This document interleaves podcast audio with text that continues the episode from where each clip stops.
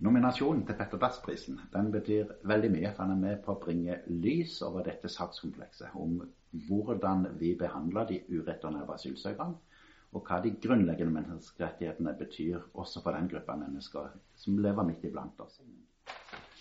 Dette er da politiet som har henlagt saken. Når jeg eh, hadde anmeldt mitt eget selskap, så finner de ut at etter å ha blitt informert om 20 ansettelser og store millionutbetalinger i lønn, så henlegger de saken. Jeg kjenner at når jeg får løfte fram den problematikken, både i medieoppslag og i form av denne prisnominasjonen, så eh, er vi med å sette søkelyset på et viktig samfunnsområde.